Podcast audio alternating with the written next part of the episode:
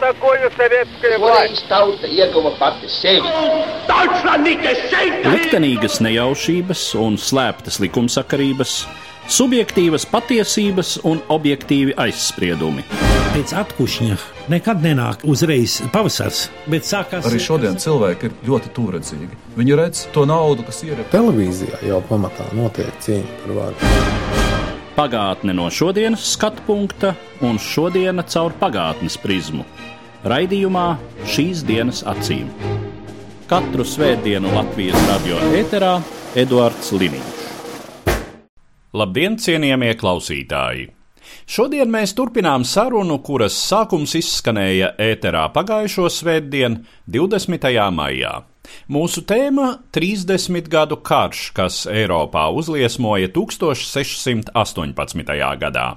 Mani sarunbiedri studijā ir Latvijas Universitātes vēstures un filozofijas fakultātes profesors Andris Levāns un kara muzeja pētnieks Dainis Poziņš. Runājot par šī kara būtisko raksturu, man liekas, mēs jau šeit nonākam pie tā, ka tur ir tāda ārkārtīgi fundamentāla pretruna, kuru mēs redzam gan lielās politikas līmenī, kad karš, kurš sākas kā konflikts starp katoļiem un protestantiem, starp katoļu valdniekiem un protestantu valdniekiem, vispirms Vācijā, tad ārpus tās drīz vien izrādās, ka protestantu sabiedroto rindās ir katoliskas valstis, kā piemēram Francija, kā dažas protestantu valstis maina karošanas pusi, piemēram, Dānija, kura vispirms karo protestantu pusē, pēc tam pāriet pretējā nometnē, kā izvirzās centrā nevis ticība kā tāda, bet valsts status Eiropā un līdz ar to pasaulē, un to pašu mēs redzam arī šais mazajās vēstures dimensijās, ja, piemēram, jūs sakāt, jā, nu no vienas puses ticības karš, bet karo algotņi, kuri karo par algu un vēderu un iespēju palaupīt, un kuri droši vien iebrukuši zemnieku sētā, kā vienā no spilgtākajām tā laika gravīrām tas ir attēlots, neprasa, vai vietējie ir katoļi vai protestanti, bet prasa, kur ir paslēpts tas un tas, ieskaitot iespējams arī kādas jaunas meitas, ar kurām var papriecāties turpat uz vietas, un ja nedod, tad tā sacīt sāk lietot uguni un zobenu.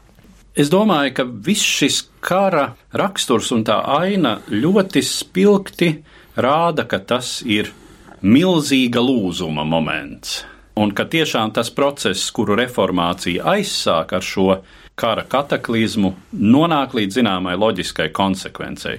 Un te nu mums varbūt vajadzētu iezīmēt, kas tad ir tie fundamentālie rezultāti Eiropas domāšanā, kuri notiek, kurus iezīmē attiecīgi miera process pēc šī kara, tātad Vestfālēnas miers, kurš iedibina zināmā mērā jaunu līdzsvaru un iespējams ir viens no pirmajiem tādiem iezīmīgiem mēģinājumiem panākt vispārēju Eiropas līdzsvaru un miera vienošanos starp Eiropas valstīm.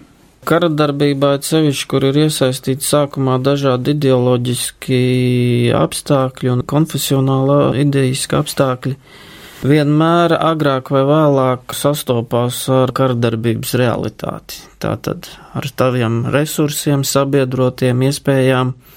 Un tiklīdz runa ir par resursiem, naudu un varu, un puses sāk rēķināt, ar ko tad būtu izdevīgāk sadarboties un kas būtu izdevīgāks sabiedrotais, bieži vien gadās, kad vairākām valstīm, piemēram, katoliskajai Francijai, bija izdevīgāk atbalstīt protestantus, jo tur bija citi konfliktu sadursmes punkti starp katolisko Spāniju un Franciju, un gal galā Francijas monarhija un mužniecība izrēķināja, ka viņiem šajā konfliktā ir izdevīgāk atbalstīt protestantus. Reliģija tas ir labi, bet ekonomika un kolonija jautājumi un teritorijas tomēr ir svarīgākas.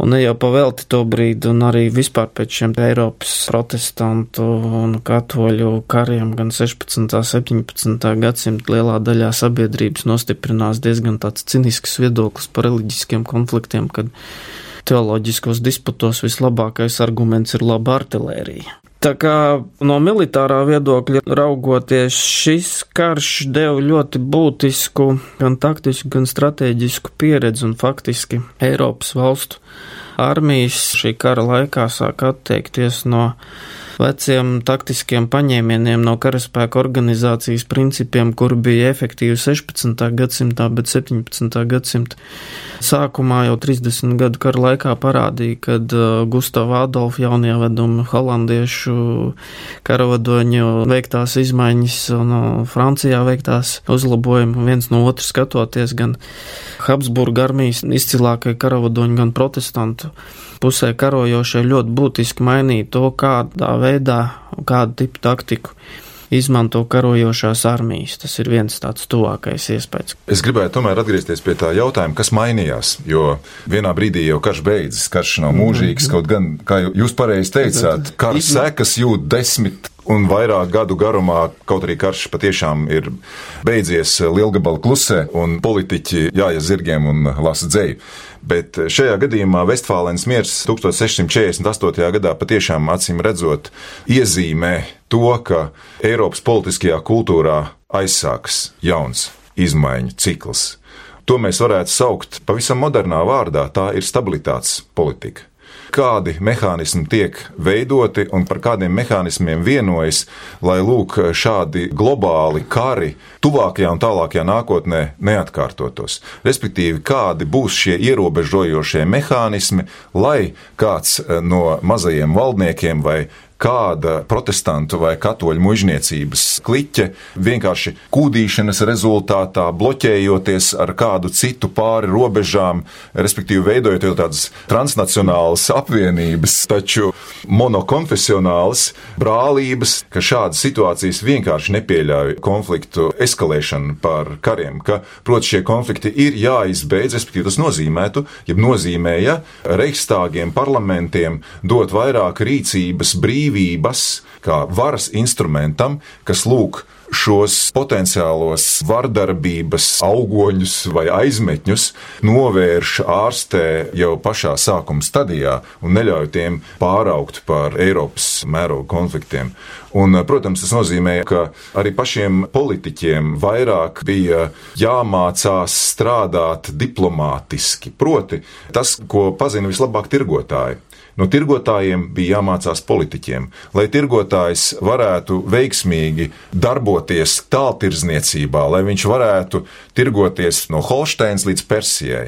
Viņam vispirms bija jāpanāk lūk šīs izdevīgās tirzniecības konfesijas no attiecīgi vietējo zemju varenajiem, vai tas būtu Maskavas lielpiņas vai cars, vai tas būtu Persijas šahs. Tātad nevis ar lielgabaliem risināt jautājumus, kas mums ir vitāli svarīgi, bet ar sarunām, ar vārda, ar retorikas mākslas palīdzību. Protams, tas bieži vien līgumu tekstos izklausās ļoti galanti un smalki un gudri. Realitātē mēs redzam, tas nemaz nav tik vienkārši. Bet, ja mēs runājam par Vestfālēnas mieru un tās sekām, tad acīm redzot, īsi formulējot, tas patiešām iezīmē jaunu politiskās kultūras aizsākumu Eiropā un tādu mehānismu radīšanu, kas nepieļauj šādu globālu postošu konfliktu, kas aizrauja veselu kontinentu bezjēdzīgā karā rašanos. Bet eh, kā jau ar katriem kariem ir, kari notiek, politiķi spriež, un viens otru apsveic, ka karš ir sekmīgi beidzies, tiek dalīti krēsli un vara un manta, ļaudis arī kādreiz atkopjās, bet mīls jau paliek. Paliek, piemēram, dzēja ja drīkstu varbūt izmantot kādu minūti vienam dzējolim, kurš tapa vēl tajā laikā, proti 30. gadu kara kulminācijas brīdī, ap 1736. gadu, un dzēnieks bija Andrēs Grifijus. Tajā brīdī vēl ne gluži pazīstams kā poēts, kā rakstnieks, bet pazīstams kā ārsts, kā mediķis. Un viņš ir sarakstījis iespējams vienu no skaistākajiem, ne tāpēc, ka estētiski skaists par puķiem un bukoliskām ainām, bet iespējams tāpēc, ka ar tām šausmām, ko šis dzējols sevī koncentrē, proti, šis sonets ir nosaukts par vācu skaistāko dzējoli. Patiesībā tās ir četras kvarcas, un dzējols ir ļoti īss, bet ārkārtīgi, ārkārtīgi sulīgs. Un uh, dzinieks Grīfijs nosauca šo sonetu par Trauerklāg des Verwüsteten Deutschlandes, tātad izpostītās Vācijas raudu dziesma, jeb mirušo apraudāšanas dziesma, kā to toreiz arī tautā sauc. Wir sind doch nunmehr ganz, ja mehr als ganz vertorben. Der frechen Volker Schar, die rasende Posaun, das vom Blut feiste Schwert, die nonnede Kanaun, hat alles dies hinweg, was mancher schwer erworben, die alte Redlichkeit und Tugend ist gestorben. Die Kirchen sind verfehrt, die Stärken umgehauen, die Jungfrauen sind geschänt, und wo man wir hin nur schauen, ist Feuer, Pest, Mord und Tod, hier zwischen Schanz und Korben, dort zwischen Mauer und Stadt rinnt allzeit frisches Blut. Dreimal sind schon sechs Jahre als und Ströme Fluss, von so viel Leichen schwer, sich langsam fortgedrungen. Ich schweige noch von dem, was stärker als der Tod. Du, Straßburg, weißt es gut. Der grimmen Hungersnot un das der Seelenschatz gar vielen apgezwungen. Un latviski tas skanētu apmēram tā. Mēs tagad patiesi esam pavisam, jā, vairāk nekā pavisam izpostīti. Nekaunīgo tautu pūļi, trakojošās bazūnas, no asins uztūkušais zobens, dimdošā kartauna, lika pazust visam, ko kāds grūti bija guvis, senā kārtība un tikums miris. Nopostītās baznīcas, torņi sagrauti, jaunavas piesmietas un kurp vērs mūsu skats, uguns, mērs, slepkavošana, nāve. Te, starp sarkstienām un groziem valda, un tur, starp mūri un pilsētu, svaiga, asins plūst nepārtraukta. Kopš trīsreiz sešus gadus kā mūsu upju traume, no tik daudz līķiem grūta tā lēni veļas. Es klusēju par to, kas sliktāks ir par nāvi. Tu, Strāsburga, to labi zini. Postošāks par badu, kad dvēseles dārgumi daudziem tiek atņemti ar varu.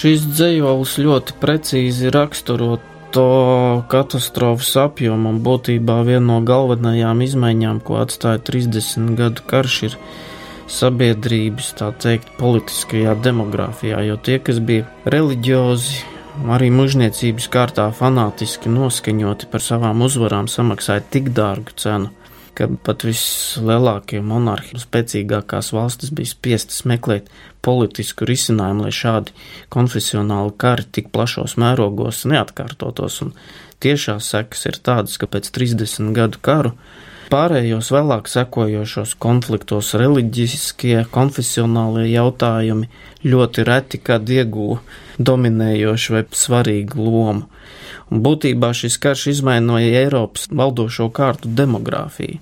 Eiropas monarhi iekļuva parādos, tātad banķieri, tirgotāji, tie, kas domāja par koloniāliem projektiem, iegūt daudz lielāku ietekmi Eiropas politikā, un kādu laiku šis miera līgums, kamēr radās nākamās paudzes, kuras karu jau bija aizmirsuši, sākās jaunas esošā stāvokļa izmaiņas un vēlmes mainīt status quo, bet uz pietiekami ilgu laiku šis karš atstāja ļoti atvēsinošu iespēju uz Eiropas politiku un tiešām tika meklēti risinājumi, kā Eiropas mužniecības, Eiropas monarhijas dinastijas starp atrisināt konfliktus, neieraujot visus Eiropu plašā konfliktā, kas radīja reālus milzīgus zaudējumus. Un šis dzējols ir tā teikt perfekts noslēgums tam, lai parādītu, kāds šis karš atstāja ietekmi uz Vācijas iedzīvotājiem, nu visu tā laika sabiedrisko domu, jo karš skāra ne tikai nabadzīgos iedzīvotājus vai viduslānu, arī augšslāns, arī tās zaudētāju puses armijas konfiskācijas protestantiem, kuriem Bohēmijā atņēma īpašums, tāpēc, ka viņi nepārgāja. Tas viss atstāja ļoti dziļu iespēju, kā izglītotā sabiedrības daļa sāka raudzīties uz militāriem konfliktiem vispār un uz politiku un diplomātiju pavērās daudzām jaunām idejām, vārti vaļā un Eiropas, kādu mēs to pazīstam mūsdienās, modernā vēsture, kāpēc tā izveidojās lielā mērā tāda, kā tā izveidojās, tas ir kā tieši šīs 30 gadu kara sekas.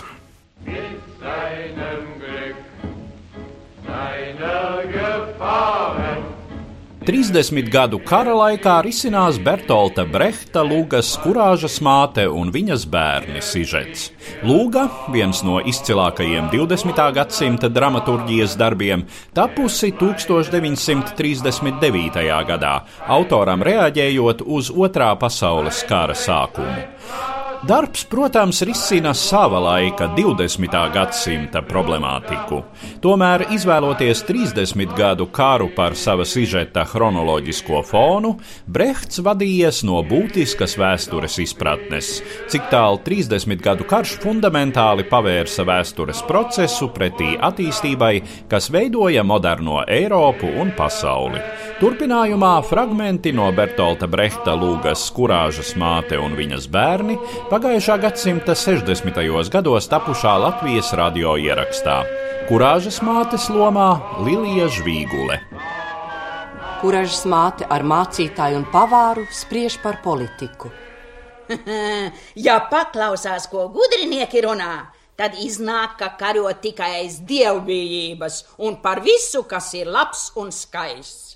Bet, ja ieskatās pamatīgāk, tad nav nemaz tādi vien tieši, bet karo, lai gūtu peļņu. Citādi jau arī tādi mazi cilvēciņi kā es nemaz nepītos līdzi. Aha, tā tas ir. Aha, aha. piens ir labs, kas attiecas uz daudzumu, tad mums tagad būs mazliet jāierobežo mūsu zviedru ēstgribā. Mēs taču esam uzvarēti. Kas ir uzvarēti? Gudriniekiem tur augšā un tiem, kas ir apakšā, uzvar un zaudējums vienmēr nemaz tā nesakrīt, nebūtnē. Mēdz būt pat gadījumi, kad apakšējo zaudējumi viņiem ir tīrā peļņa. Gods pazaudēts, bet cits nekas. Es atceros reizi, kur zemē mūsu karavadonis dabūja no ienaidnieka tādu kūlienu, ka es tai juceklī pievācu pat sīrimīti. Tas septiņus mēnešus vilka manus ratus, kamēr mēs uzvarējām, un bija revīzija. Vispār var sacīt, ka mums, parastajiem ļautiņiem, uzvaru un zaudēšana izmaksā visdārgāk. Mums ir vislabāk, ja politika mīņājās uz vietas. Bet vai jūs nedomājat, ka karš varētu beigties? Vai tāpēc, ka karavadonis beigts? Tādus var atrast veselu duci, un varoņi būs vienmēr. Klau, es jums to neprasu pa jokam, bet tāpēc, ka man jāapdomā, vai iepirkt krājumus, ko tagad var lēti izdarīt. Bet, ja karš beidzas, man tie būs jāsviež projām. Tā tad es iepirkšu preces. Es paļaujos uz jums. Kuražas māte jau zaudējusi otru dēlu, bet viņas tirgošanās sasniegusi kalnu galus. Es jums neļaušu pulgot kāru. Tiesa, tas izskauž vājos, bet tie jau dabū galu arī miera laikā taču savus ļaudis karš baro vislabāk. 1632. gadā pastiprināti tiek runāts par mieru. Pavār, jūs atrodat mani nelaimē. Esmu izpostīta. Ko? Tā nu gan ir ķēza. Miers aplauzis man kaklu.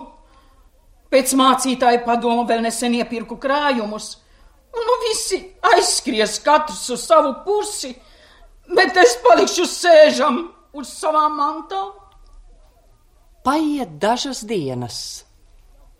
Pavarmiers jau beidzies. Jau kopš trim dienām ir atkal karš. Es vēl nepārdevu savas mantas, kad dabūju to zināt. Paldies Dievam! Pilsētā viņi apšaudās ar luterāņiem. Mums tūlīt jātiek projām ar ratiem. Katrīna! Taisies ceļā! Kāpēc esat tāds apmulsis? Kas noticis? Nekas. Tomēr kaut kas jau ir. Es redzu no sejas. Laikam tāpēc, ka atkal ir karš. Karam krīt par upuri arī kuražas trešais bērns Katrīna. Bet nelaimes tirgotāju nav pārmācījušas. Kuražas māte atkal iejūdzas ratos. Cerams, ka pavilkšu ratus viena. Gan jau ies, tur nekā daudz nav iekšā. Man tomēr jāsāk kaut kas tirgot. Droši vien kopumā mēs varam secināt, ka 30 gadu karā tad galu galā nomirst viduslaiki. Un tas process ir ilgs jau gan ilgi, tātad viduslaika izbeigšanās, un mēs jau meklējam jauno laiku sākumu, simts un pat vairāk gadu pirms tam, bet viduslaiku struktūras, viduslaiku attiecības galēji beidzas tieši līdz ar 30 gadu karu. Nu, mums vēl atliek pieskarties tam, kas tad šai laikā notiek Latvijas teritorijā un Baltijā, kur arī 17. gadsimta sākumā risinās teju 30 gadu karš. Jo poļu zviedru karš, kurš ilgs no 1600. līdz 1629. gadam ar pārtraukumiem, daļēji pārklājas chronoloģiski ar 30 gadu karu un pat tiek uzskatīts savos noslēguma posmos par 30 gadu kara daļu.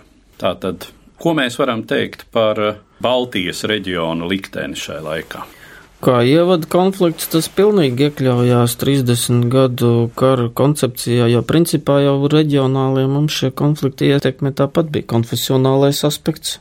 Protestantiskā Zviedrija, katoliskā Polija. Katolisko Poliju. Dinastiskais, tieši tie Jā. paši apstākļi, kas bija Vidus Eiropā un Vācijā plus ekonomiskās intereses, tātad kurš valdnieks kontrolēs kuru teritoriju, un, teiksim, Zviedrijai iesaistoties karadarbībā pret Poliju. Arī šis stāsts lielā mērā bija ievads 30 gadu karam vidus Eiropā, jo sākumā protestantiskai Zviedrijai karš pret Poliju nemaz tik labi neveicās.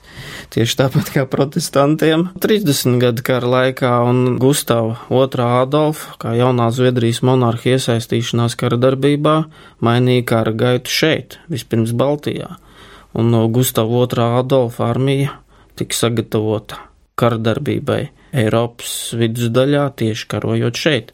Livonijā, jo mums jāatcerās, ka 1621. gadā Rīgu ieņēma Zviedru karaļa Gustavu II Adolfu komandētais karaspēks. Un e, šeit varbūt ir vērts atgādināt par šī kara specifisko raksturu, proti, ka resursi karošanai atsevišķās centrāla un rietuma Eiropas daļās tika gūti no nosacīti perifērijā atrodošamies varas zonām.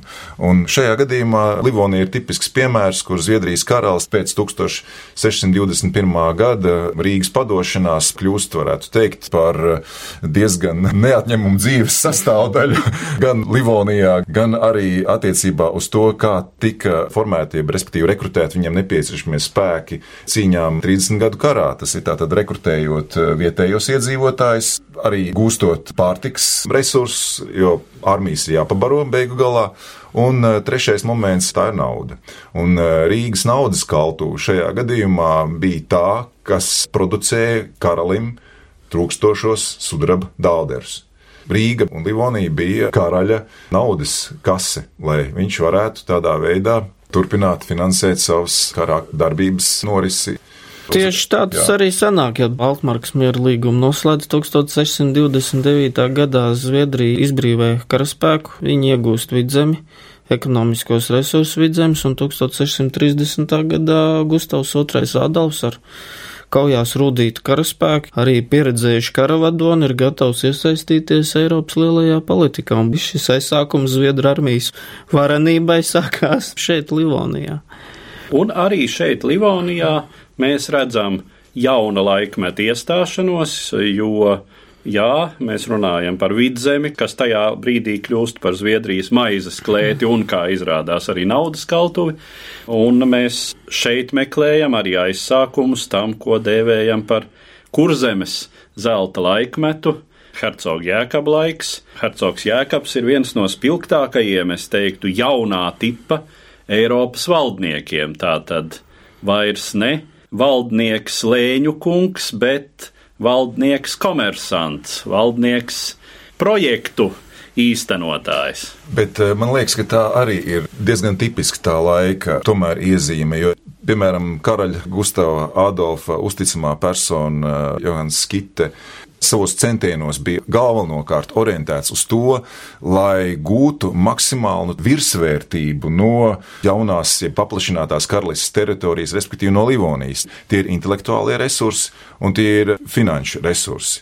Par naudu jau mēs parunājām, bet, ja mēs runājam par intelektuāliem resursiem, tad tā ir Tērbats Universitātes dibināšana 1632. gadā.